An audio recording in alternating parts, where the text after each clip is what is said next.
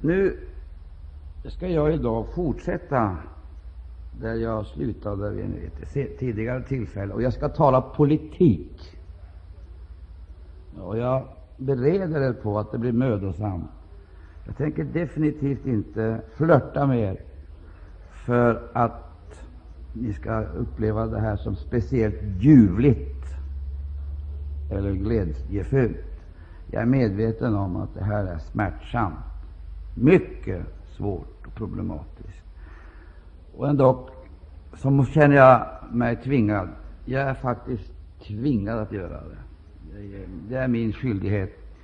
Jag har skyldigheten att förmedla information, och jag bör ge det så att vi inte så att vi inte plottrar bort oss i oväsentligheter.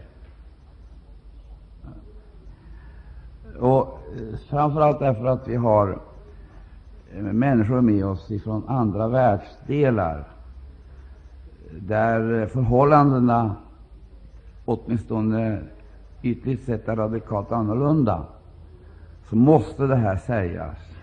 Det måste ropas ut. Det måste ropas ut. Det är faktiskt livsangeläget, det är livsnödvändigt att detta blir alltså klart och tydligt proklamerat i denna tid. Det har med hela vår frälsning att göra. Frälsningen det har med vår tjänst att göra, men det är framför allt frågan om den andliga beredskapen. Eller för att ställa frågan så här, frågan är i vad mån Jesu tillkommelse är önskvärd. En förfärlig fråga.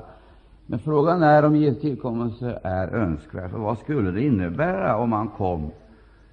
Kanske den situationen är för handen att knappt 5 procent, om jag ska ta siffror, är beredda att möta honom.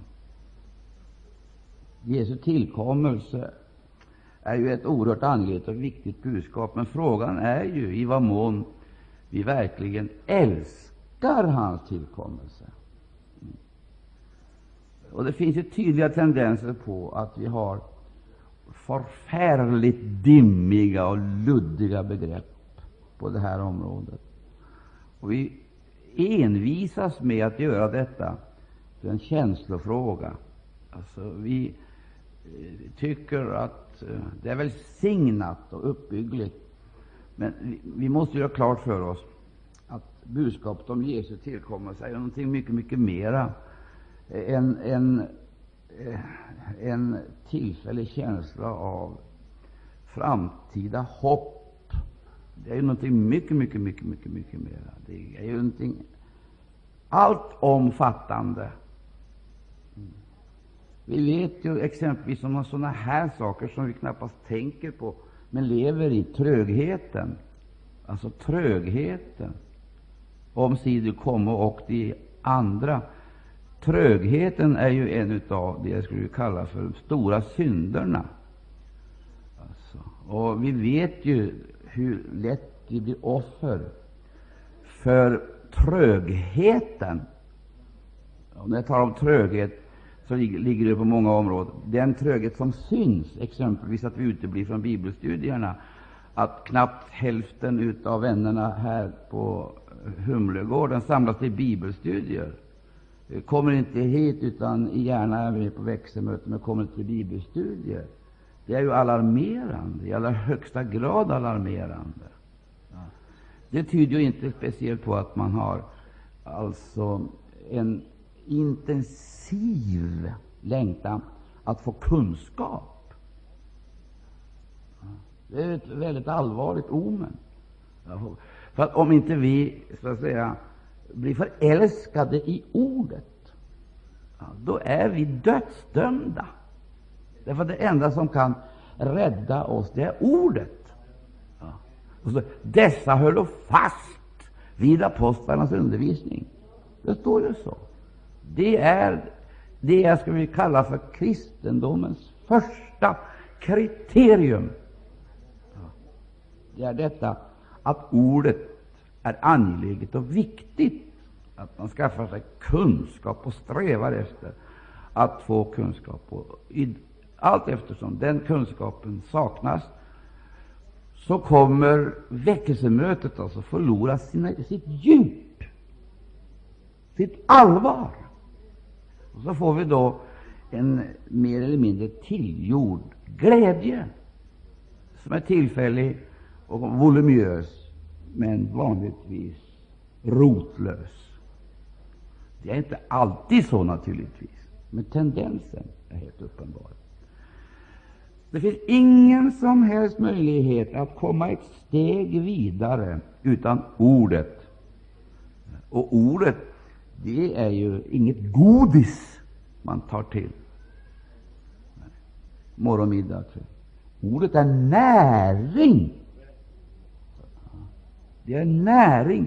Och då står det att vi ska växa till. Vi sysslar med församlingstillväxt och tänker på rekrytering, vilket ju är, sett ur den här synpunkten, förfärligt ödesdigert.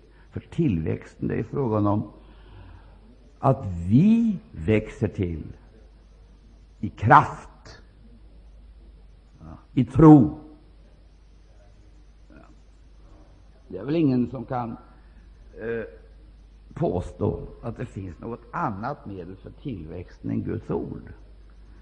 Och om vi inte umgås med Guds ord, nöjer oss med ett annat mannakorn eller ett och annat ord som vi har strukit under i Bibeln, de där understrukna bibelorden, favoritställena, och läser dem ett antal gånger, eh, exempelvis i vittnesbördsmöten eller i andra sammankomster, så förstår vi att det ger ju ingen förutsättning för tillväxt. Det är helt uteslutet. Och när jag säger det här så är det naturligtvis alarmerande, förfärligt alarmerande, att man ska nästan behöva truga människorna att komma till bibelstudier. Man ska truga dem, eller man ska ha någonting, någonting som man kan bjuda på som är sensationellt eller attraktivt. Och då eh, kommer man dit och ser vanligtvis ut som om bibelstudiet vore sömnmedel. Men bibelordet är ju inget sömnmedel. Det är det inte. Verkligen inte. Det är bara det att vi har inte lärt oss och fått den där disciplinen, självdisciplin, disciplin som är nödvändig.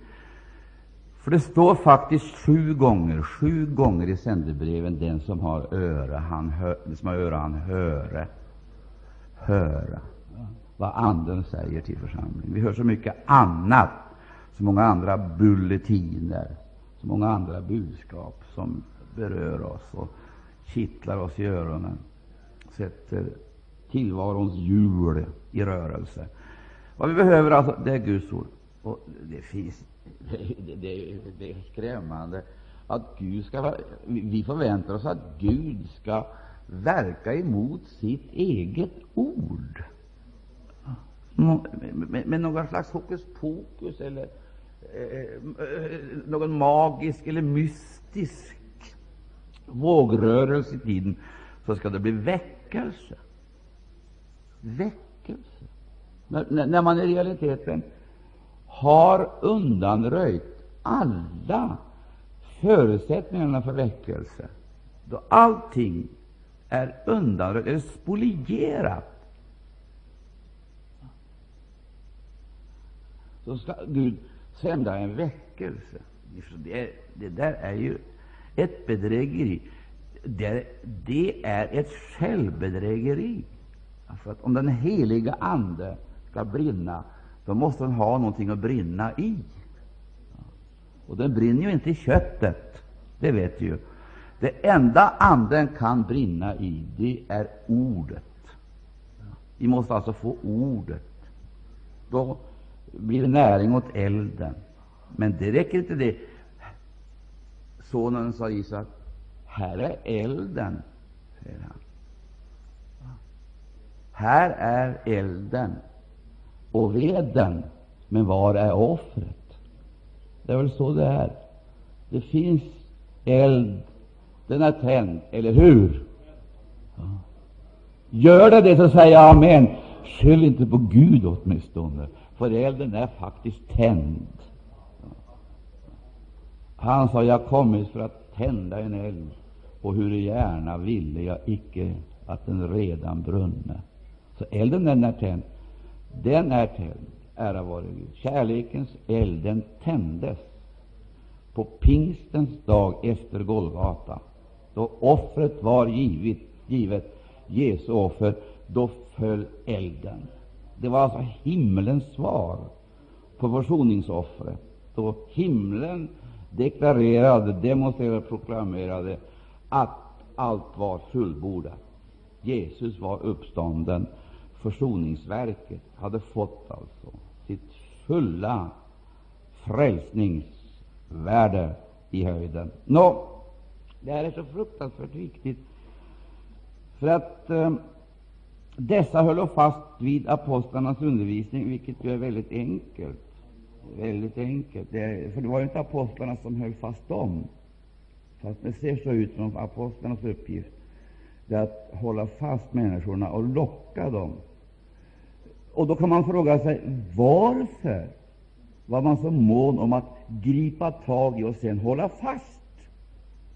Det tyder ju på att det är väldiga krafter som vill rycka oss bort.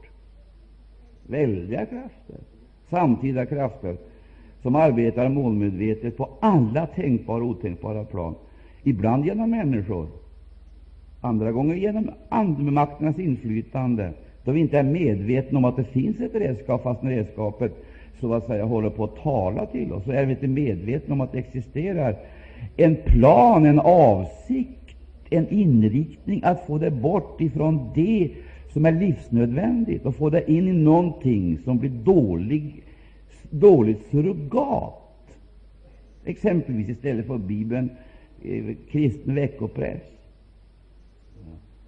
Det är ett exempel, ett alternativ eh, kolorerad press, kristen veckopress. Vi kan nämna dem.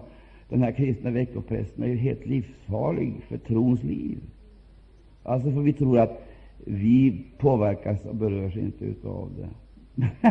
det är skrattretande. Du förstår, det är faktiskt på det sättet att ska du läsa en artikel så tar det en timme. Du har stulit tiden, eller tagit den, och förlåt, ska låta lite finare. Du har, du, du, du, du har låtit alltså den tidningen eller den artikeln gå före studiet av Guds ord. Alltså det är ett ställningstagande eller en attityd.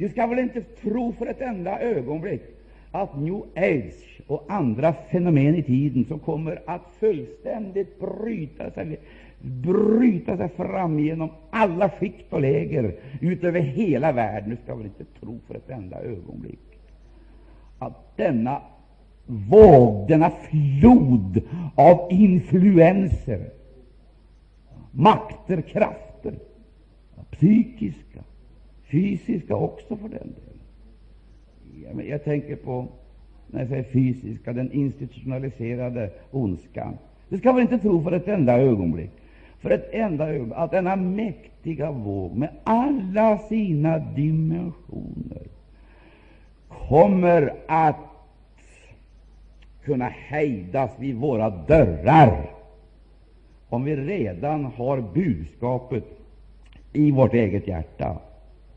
Budskapet i Fattar du inte, älskade vän, att allt som, allt som ersätter ordet, allt, allt som ersätter ordet, kommer att bidra till Antikrists framgångar. Jag tänker inte ut i världen, i våra egna hjärtan, i våra egna liv. Och när jag talar nu så ser jag ju att vi redan har dåligt samvete. Och det är inte lätt att tala till anklagade människor, och det är för väl att ni har samvete. För det är här själva, det är här eländet uppenbarar sig.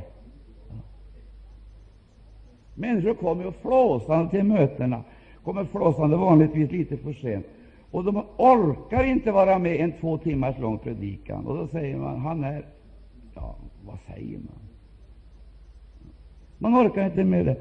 Fast vi skulle sitta fem timmar, skulle vi sitta ner och läsa Bibeln, studera den tillsammans, för att äta hela bokrullen. Äta hela bokrullen och ta emot den. Den är söt som honung och smälta den, då den är bitter i buken. Du förstår att dessa lättingar och lustningar som finns kommer ju aldrig att överhuvudtaget kunna vara bärare av någon väckelse. De kommer att bli tidsandans bästa och enklaste verktyg och redskap. Och det finns ju flera aspekter här som man gärna skulle vilja ta med, men jag avstår ifrån. Det är olustigt att konstatera att läsaren är borta.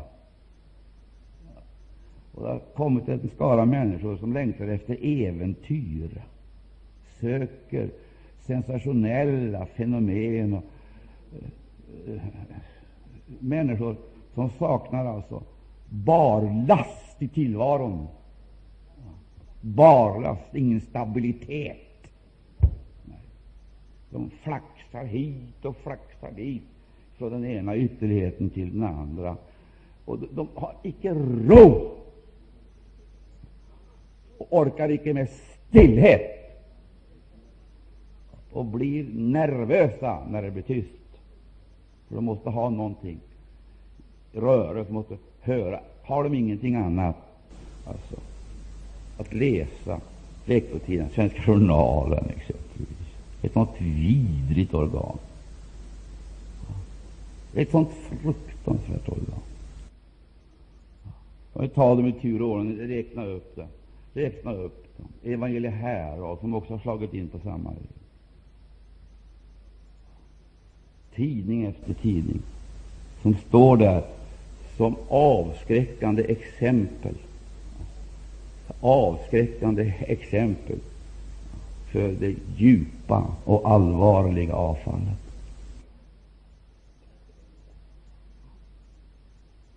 Därför Gud bevara midnattsropet. Gud bevara oss.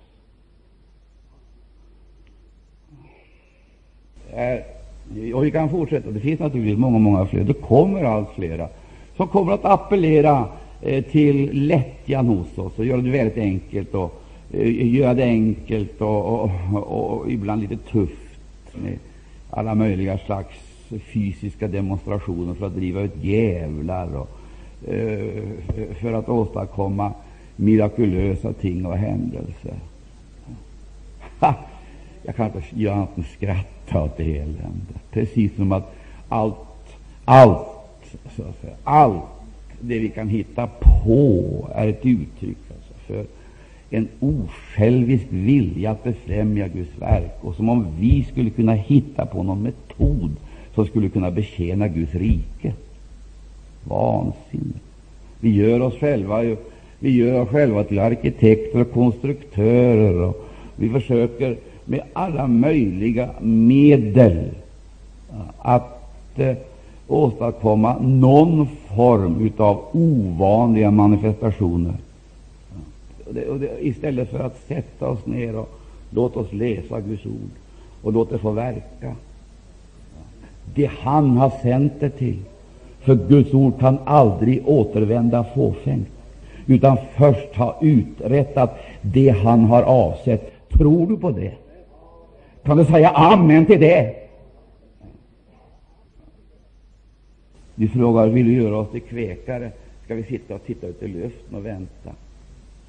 Jag menar ingenting annat än att vi ska göra oss allt mer beroende av Gud. Det är bara det jag menar. Och kommer du då Gud på det ena eller andra sättet, så må det, så må det vara hans sak.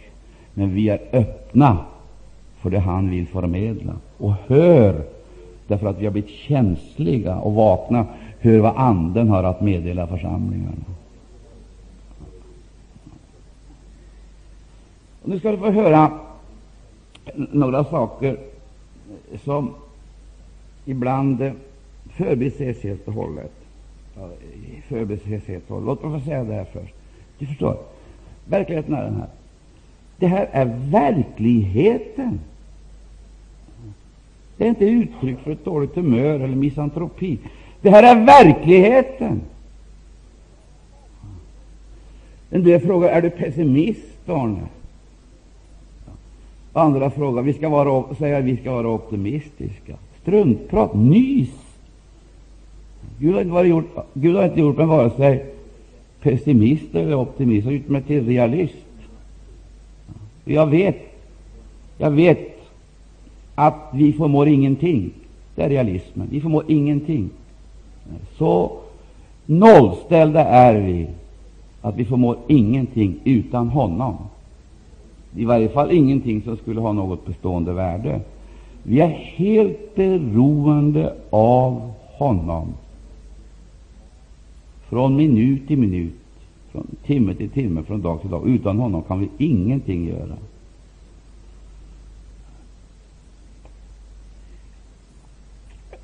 Det här är inte lätt att lära, och många vill inte lära och kommer inte att lära det. och Därför så kommer de också att lämnas kvar. Det är de jag kallar för korkkristna. De där korkkristna som alltid flyter på ytan. Och det är gott om kork, lätt och och då vi egentligen borde vara blykristna. I varje fall lämpliga proportioner. Det är bra för fisket att ha bly. Så, lite kork också. Men det får inte bli bara kork. Så jag vill inte bara bly. Vad jag vill mena, det måste naturligtvis finnas alla dimensionerna. Allt. Flexibilitet och rörlighet, fasthet och stabilitet. Och hur ska detta kunna uträttas om inte Gud får göra det genom sitt eget ord? Här har vi, här har vi förutsättningen för Guds rikes framgång. Ge, ge utrymme nu för en intensiv tankeverksamhet och låt den heliga Ande få belysa ordet och väcka ditt sinne, dina tankar och göra dig förnuftig eller förståndig. Det var ju de förståndiga som gick in. De hade tagit vara på någonting som betyder livet. Använd ditt förstånd. Tänk efter. Besinna dig. Bli nykter. Så att du kan lyssna, studera, forska, ta emot, vägledas och bli orienterad så att du inte kommer att uppleva hans tillkommelse såsom en tjuv. Jesus är ingen tjuv. Han kommer aldrig att hämta någonting som inte hör honom till. Men för många kommer han såsom en tjuv på natten. Och du får, över, du, du får verkligen, vara angelägen, verkligen vara angelägen om att hans tillkommelse inte blir en överraskning. En överraskning. Ett avbrott. Ett avbrott från den dagliga eh, lunken. Därför att för de som är redo så kommer det här inte att bli någon sensation. Icke. Det kommer absolut inte att få den sensationella karaktär som det låter. Icke.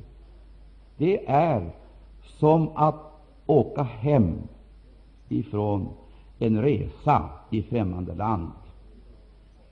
Och du är inte överraskad att du för varje timme som går närmar dig hemmet. Landskapet skiftar och det kan vara förändringar, men du tänker inte stanna vid någon hållplats eller gå in i någonting, utan du ska hem hela din längtan, hela din eh, eh koncentration, den står omkring detta. Du ska hem. Har du varit ute på en semesterresa så är det skönt att komma, hem. Men har du varit flykting i ett främmande land, då uppskattar man hemmet och hemlandet.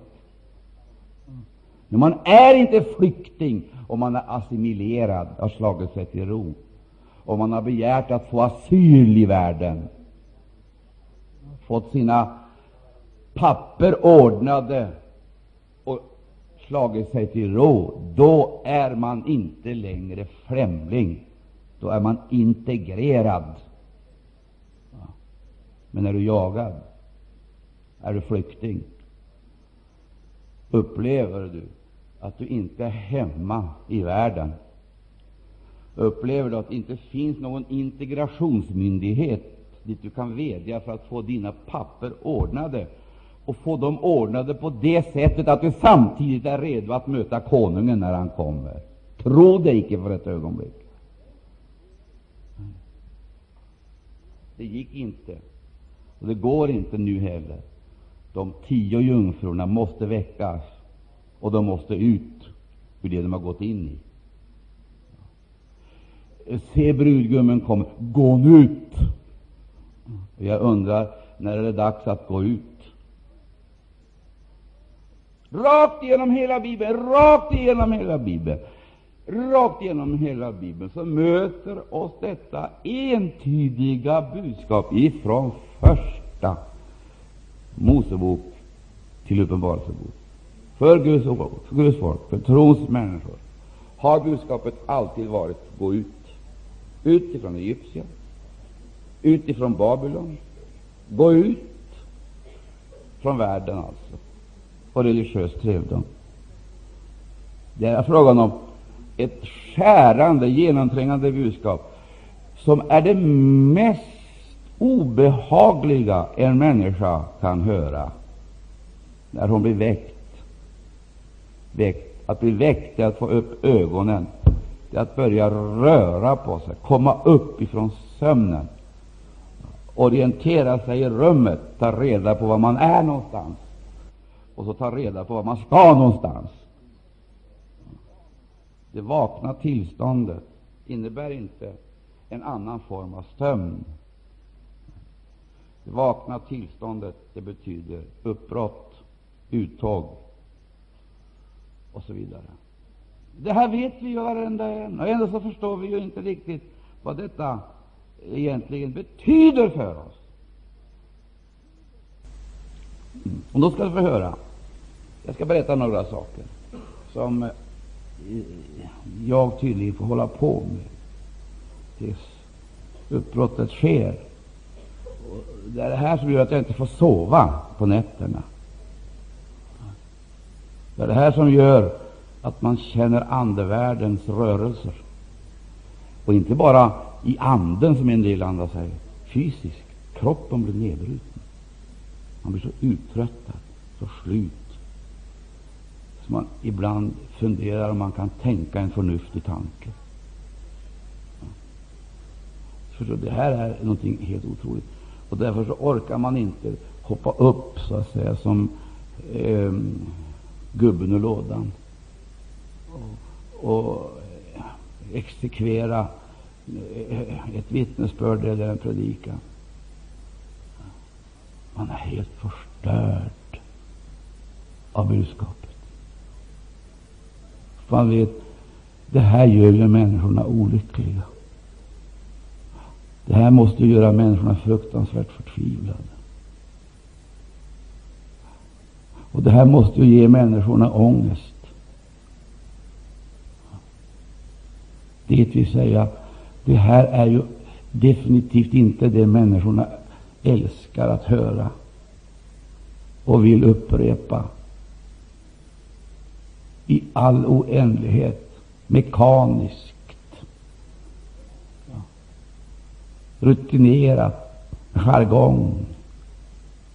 Och så känner man att anden är bedrövad. Anden kommer inte till. Anden sörjer.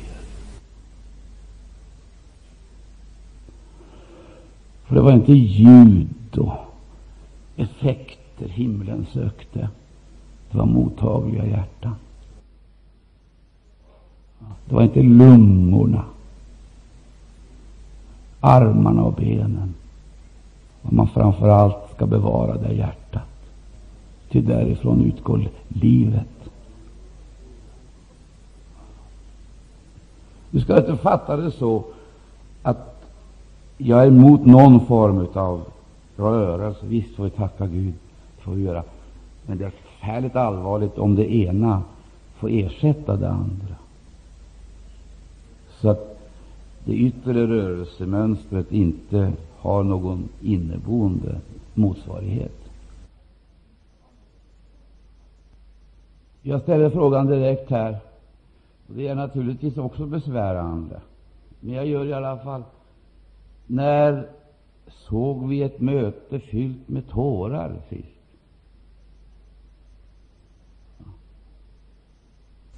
När var vi med om en upplevelse som gick så djupt i vårt inre att vi försmäktade av hans närvaro? Jag vill inte mana fram några tårar, men jag är helt medveten om att då Guds ords härlighet, inneboende härlighet, verkligen uppenbaras, då ställer man åter frågan vem skall kunna uthärda hans tillkommelses dag? Vem? får vi veta. Han är såsom en vad då? Vi kan ju läsa det här i Malek, hur han är. Vem kan uthärda? Jag har en känsla av att vi uthärdar allt. Det beror naturligtvis på dimensionerna, eh, djupet eller vad det nu kan vara. Vi, vi uttalar, Vi tycker liksom att våra ramar och våra gränser är någon slags garanti för äktheten i vår religion, men det är det ju inte. Innanför ramarna, innanför gränserna kan det sannerligen infiltrera sig enormt mycket. Har du läst Bibeln och läst om den gråtande profeten? Har du hört han ropa sin vånda, ropa sin förtvivlan? O, säger han, att mitt huvud vore en tårebrunn och mina ögon tårekällor, så skulle jag gråta natt och dag. Då skulle jag gråta. Gråta? Är det profetiskt det? Skulle jag gråta natt och dag över de fallna bland mitt folk? Jag undrar om det finns någon tid före oss som har haft så många fallna. Och jag undrar om det är någon tid före oss som har haft så få gråtande, sörjande, lidande. Desto mera har vi fått tuffa, tuffa och självmedvetna maskiner.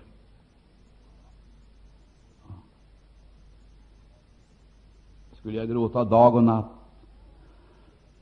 över de fallna bland min folk? Det var ingen självtagen, utan det var frågan om en kallelse, en utkarelse som han hade gått in i med allt vad det hade inneburit för hans vidkommande. Men så fick han betydelse också, enorm betydelse. För det var det han hade sagt, det var det han hade sagt, den här profeten, det han hade sagt, som kom att bli signalen för Daniel och nyckeln för Israel. Den gråtande profeten talade och blev allt mer impopulär. Den gråtande profeten talade och han kastades i de uttorkade brunnarna. Dessa uttorkade brunnar som hade blivit fängelser och utnyttjades som fängelsehålor. Och sådana hålor finns det enormt många i vår tid. Brunnar som en gång bar levande, friskt och färskt vatten till hugsvalelse och vederkvickelse. De torkades ut, och istället så blev de till fängelser dit man kastade ner bl.a. profeter som stod för Herren. Men det, det, var han som kastades ner i den här brunnen och eh, egentligen hade då överlämnats åt döden som räddades.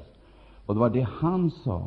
Han sa, som Daniel, som då var rätt gammal, i Babylon observerade. Han upptäckte Jeremia hade sagt att det var 70 år. fångenskapen skulle vara.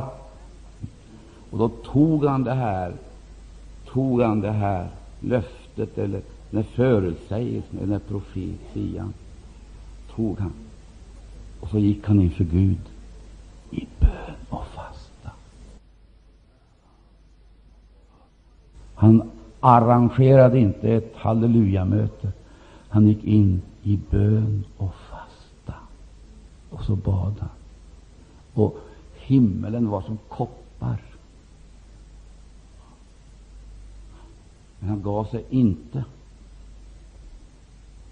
Och varför? Hans öde. Hans öde. Hans folks öde. Men snälla du, hela mänsklighetens öde låg ju i detta att han gick in för Gud.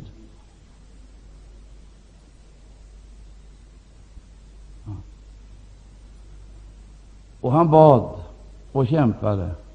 Och om du läser hans bön, då blir det ju fullständigt förkrossad och tillintetgjord.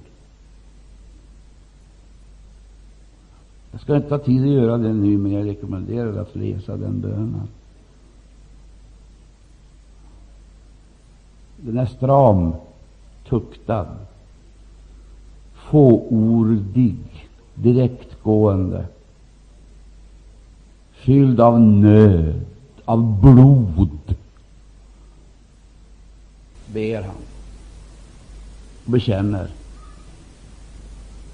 Så håller han ut och så småningom så får han besked från höjden.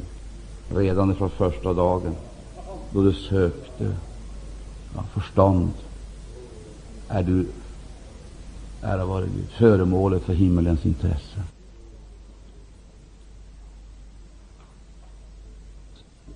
Verkligheten är den här. Jag får säga det för tredje gången. Verkligheten är den här. Och det är den verklighet som vi inte riktigt, riktigt förmår genomskåda. Istället för att bli segervinnare så blir vi alltså offer för de här krafterna som opererar i tiden. Och vi blir bortförda. Hur skall man få Guds folk ut ur Egypten, alltså Guds folk ut ur världen? Du ser svårigheterna. Och vad är det Guds folk ska befrias ifrån? Det är inte bara territorierna, utan det är allt vad det representerar vad då? Trollerier, alltså spåmän, besvärjelser, avguderier i alla dess styggelser och uppenbarelseformer. Allt detta. Och det är ingenting så att säga som sitter på ytan. Det är någonting som är invävt i människornas liv, därför att de har alltså hela tiden druckit, druckit av den ande som härskar i området. Och utan att de själva ens har märkt det, så kommer de på praktiskt taget alla områden att förkroppsliga och gestalta tidsandan eller världsandan. För vi måste komma ihåg att det här är inte kraftlösa saker och maktlösa ting. Det, det är makter som formar människorna, formar dem. Och då de skulle lämna Egypten så vet de ju problemets karaktär. Vem skulle kunna utföra det? Och om man hade gjort det till en politisk fråga och beslutat om vem som skulle överta ledarskapet på majoritetsprincipen, vem hade då blivit uttagen? Och hur skulle denna framställning, eller, eh, framställning till världshärskaren överhuvudtaget kunna genomföras? En sak är säker, Mose hade aldrig blivit uttagen. Och han har heller aldrig fått alltså ett, sånt, eh, ett sånt uppdrag att överlämna ett sådant budskap. Släpp ditt folk! Släpp mitt folk! Så att de kunde hålla högtid åt mig i öknen. Vem är det som kommer upp med sådana befallningar ifrån ett nomadfolk utan politiskt inflytande. Och vem är det som träder fram inför världshärskaren och säger Släpp mitt folk så att de kunna hålla högtid åt mig i öknen. En nomad stiger upp ur anonymiteten, representerar ett förslavat folk, ett förslavat folk som inte hade några som helst rättigheter. Jag kan inte tala om förtryck, för det är för enkelt. De var trälar. Sedan när den här proklamationen gjordes, så mobiliserar då världshärskaren sina resurser för att göra livet ännu mer outhärdligt, så att de skulle sluta med sådana dumheter och kräva frihet för det här folket. En sak står väl klar för oss. Gud vill alltså ha ett fritt folk. Är vi eniga om det? Ja. Han vill ha ett högtidsfirande folk. Är vi eniga om det?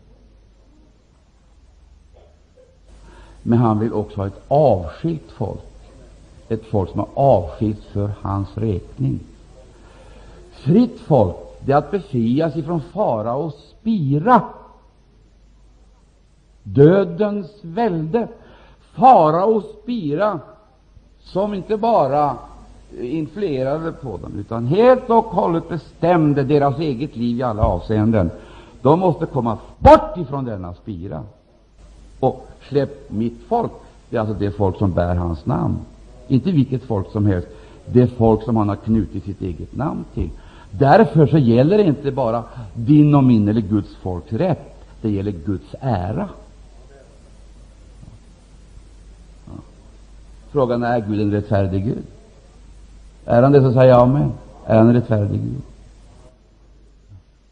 Kan Gud, förmår Gud, kan Gud, förmår Gud att frigöra sitt folk till sann frihet? Så säger jag amen.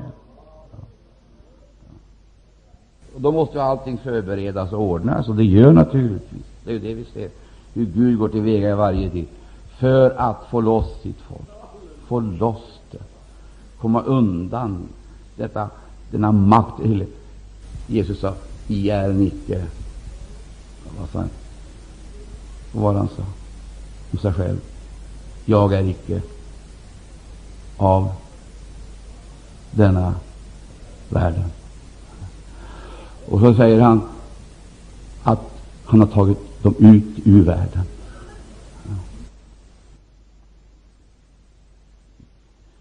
Men det här är bara den ena sidan av saken. Det är den ena sidan av saken. Och det, det, det är en underbar sida, men en fruktansvärt dramatisk och mycket, eh, mycket svår situation. Vad ska de ha med sig? Vad ska de få? Vad ska de bli? Vad är Guds vilja? Vad, vad, vad är det? Alla de här frågorna måste varenda människa brottas med. Vad vill du? Vad vill du? Och nu ska jag kort alltså koncentrera mig till det här. Gud vill att hans folk ska vara ett fritt folk. Ett fritt folk. Led oss genom öknen, för du har erfarenheter, sa Mose till Hobab. Du har varit, du känner till den här öknen. Led oss, du känner till djuren. Så går det som det går. För det var eldstoden om natten, molnstoden om dagen. Sedan så vet du att när den här eldstoden, eller molnstoden, började röra på sig, då tog man arken. Då förkunnade man uppståndelsens budskap med makt så bröt man upp och gick vidare. Nästa etapp på trons väg. Du förstår, det här att människor kallar på Hobab, samtidens religiösa orakel, eller samtidens religiösa spektakel, vad det nu vill. Kallar på eh, eh, eh, eh, dessa eh, som ska vara kunniga, välorienterade och Eh, pålitliga Det leder eh, fram till samma resultat, det vill säga man blir, man blir vilseförd eller bortförd. Om du, nu, om du nu sätter dig ner och tänker efter, så är situationen fruktansvärd. Den är ju helt fruktansvärd. Den är kaotisk och förvirrande. Kaotisk och förvirrande. Så det finns ju människor, skulle jag vilja säga, som knappast vet eller förstår nödvändigheten av att leva ett sunt andligt liv. Ett sunt, skulle jag vilja säga. Och det beror på hör här, det, finns, det finns icke en enda sanning. Det finns icke en enda sanning som är oantastad utav det som utgjorde själva fundamentet för den urkristna församlingen. Allt är ifrågasatt eller förnekat. Allt. Princip. Eller så har man tömt begreppen på dess ursprungliga innehåll och gett ett nytt innehåll. Så när man idag säger Kristus, så menar människorna olika saker. När man säger, eh, använder andra uttryck, dop, ja. så självklart sak som dop, så menar, menar människor helt olika saker och har olika associationer och referensramar.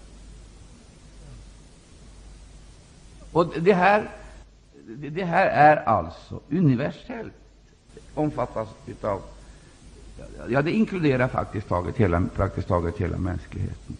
Och Det är ju därför att det är så fruktansvärt svårt för människor att komma till tro på Jesus Kristus. Därför att det är ju så otroligt många läror, uppfattningar, särmeningar och så vidare. Eh, vi, vi, vi, vi kan ju ta uttrycket Kristus. Nu träder det fram en helt ny lära som är bedårande och bestickande. En lära som i realiteten har tagit bort himlen och helvetet och förändrat Gud och gjort människan till Gud. Vi hörde om det här igår. Och de förkunnar att Kristus är ingen person, utan han är ett medvetande. Ett medvetande. Ja.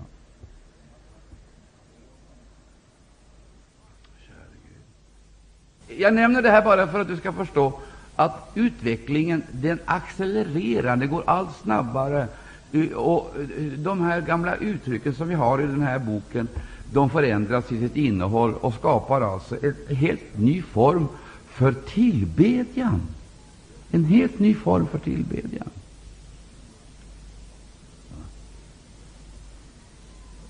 Kristus är ett medvetande. Vad innebär det?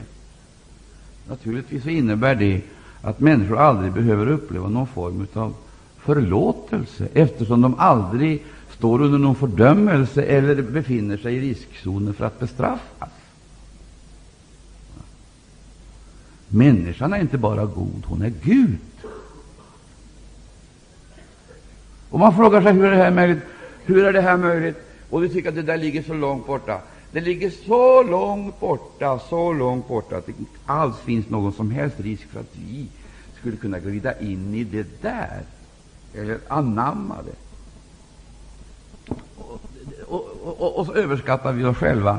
Därför att verkligheten är ju den att vi blir oerhört lätt offer för det. Låt mig bara eh, nu få läsa ett bibelord som kanske hjälper oss att förstå de här sammanhangen. För du vet ju hur det var när Israels folk kom ut ur Egypten, så uppstod svårigheterna i öknen.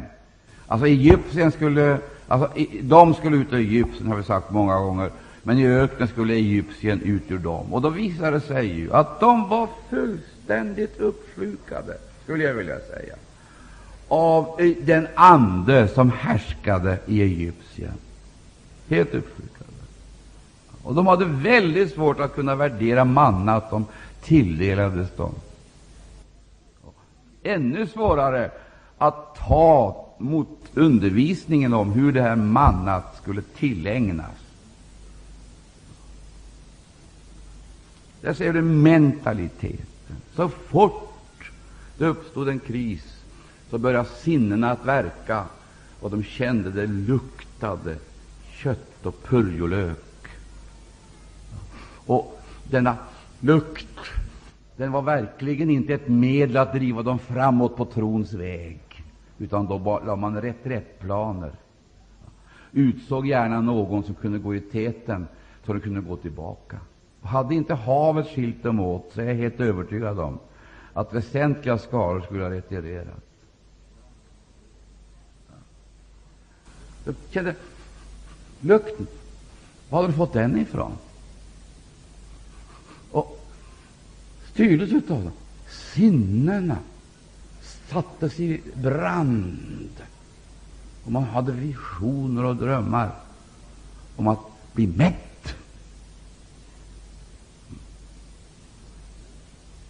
Skulle inte många signaler för att få dem i rörelse. Det vill säga, det finns en förkunnelse som gör att människor längtar till Egypten. Det finns en presentation, världslik presentation av budskapet, som människorna börjar gråta av förtvivlan och längtan. Och de börjar tänka på sina svaga skaror, framför allt kvinnor och män. Hur skall det gå med våra barn? Eller kvinnor och barn. Hur skall det gå med våra barn? Hur skall det gå med våra kvinnor, de svaga? Och för de svaga skull, som aldrig kommer att klara av en fortsatt vandring med denna föda manna. Det är ingen svårighet att förstå det här. Det kan vem som helst förstå.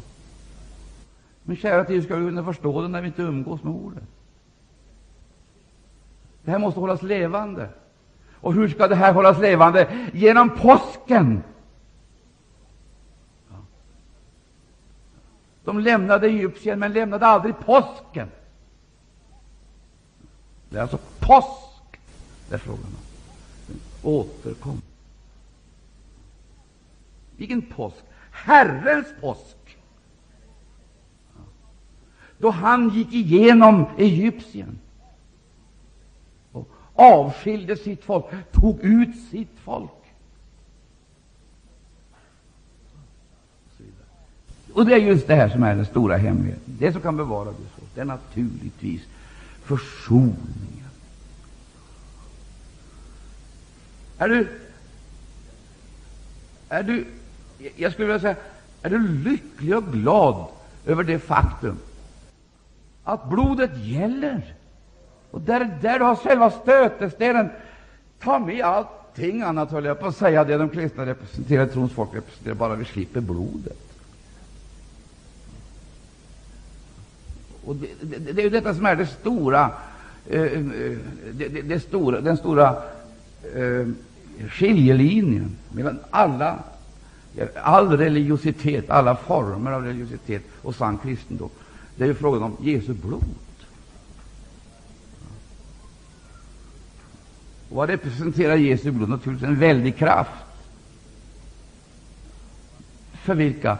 För dem som är på väg som är på väg, avskilt sig och har sett landet. De känner nödvändigheten av, om vi bekänner oss så han trofast och rättfärdig, han renar er, att under vandringen renas, befrias.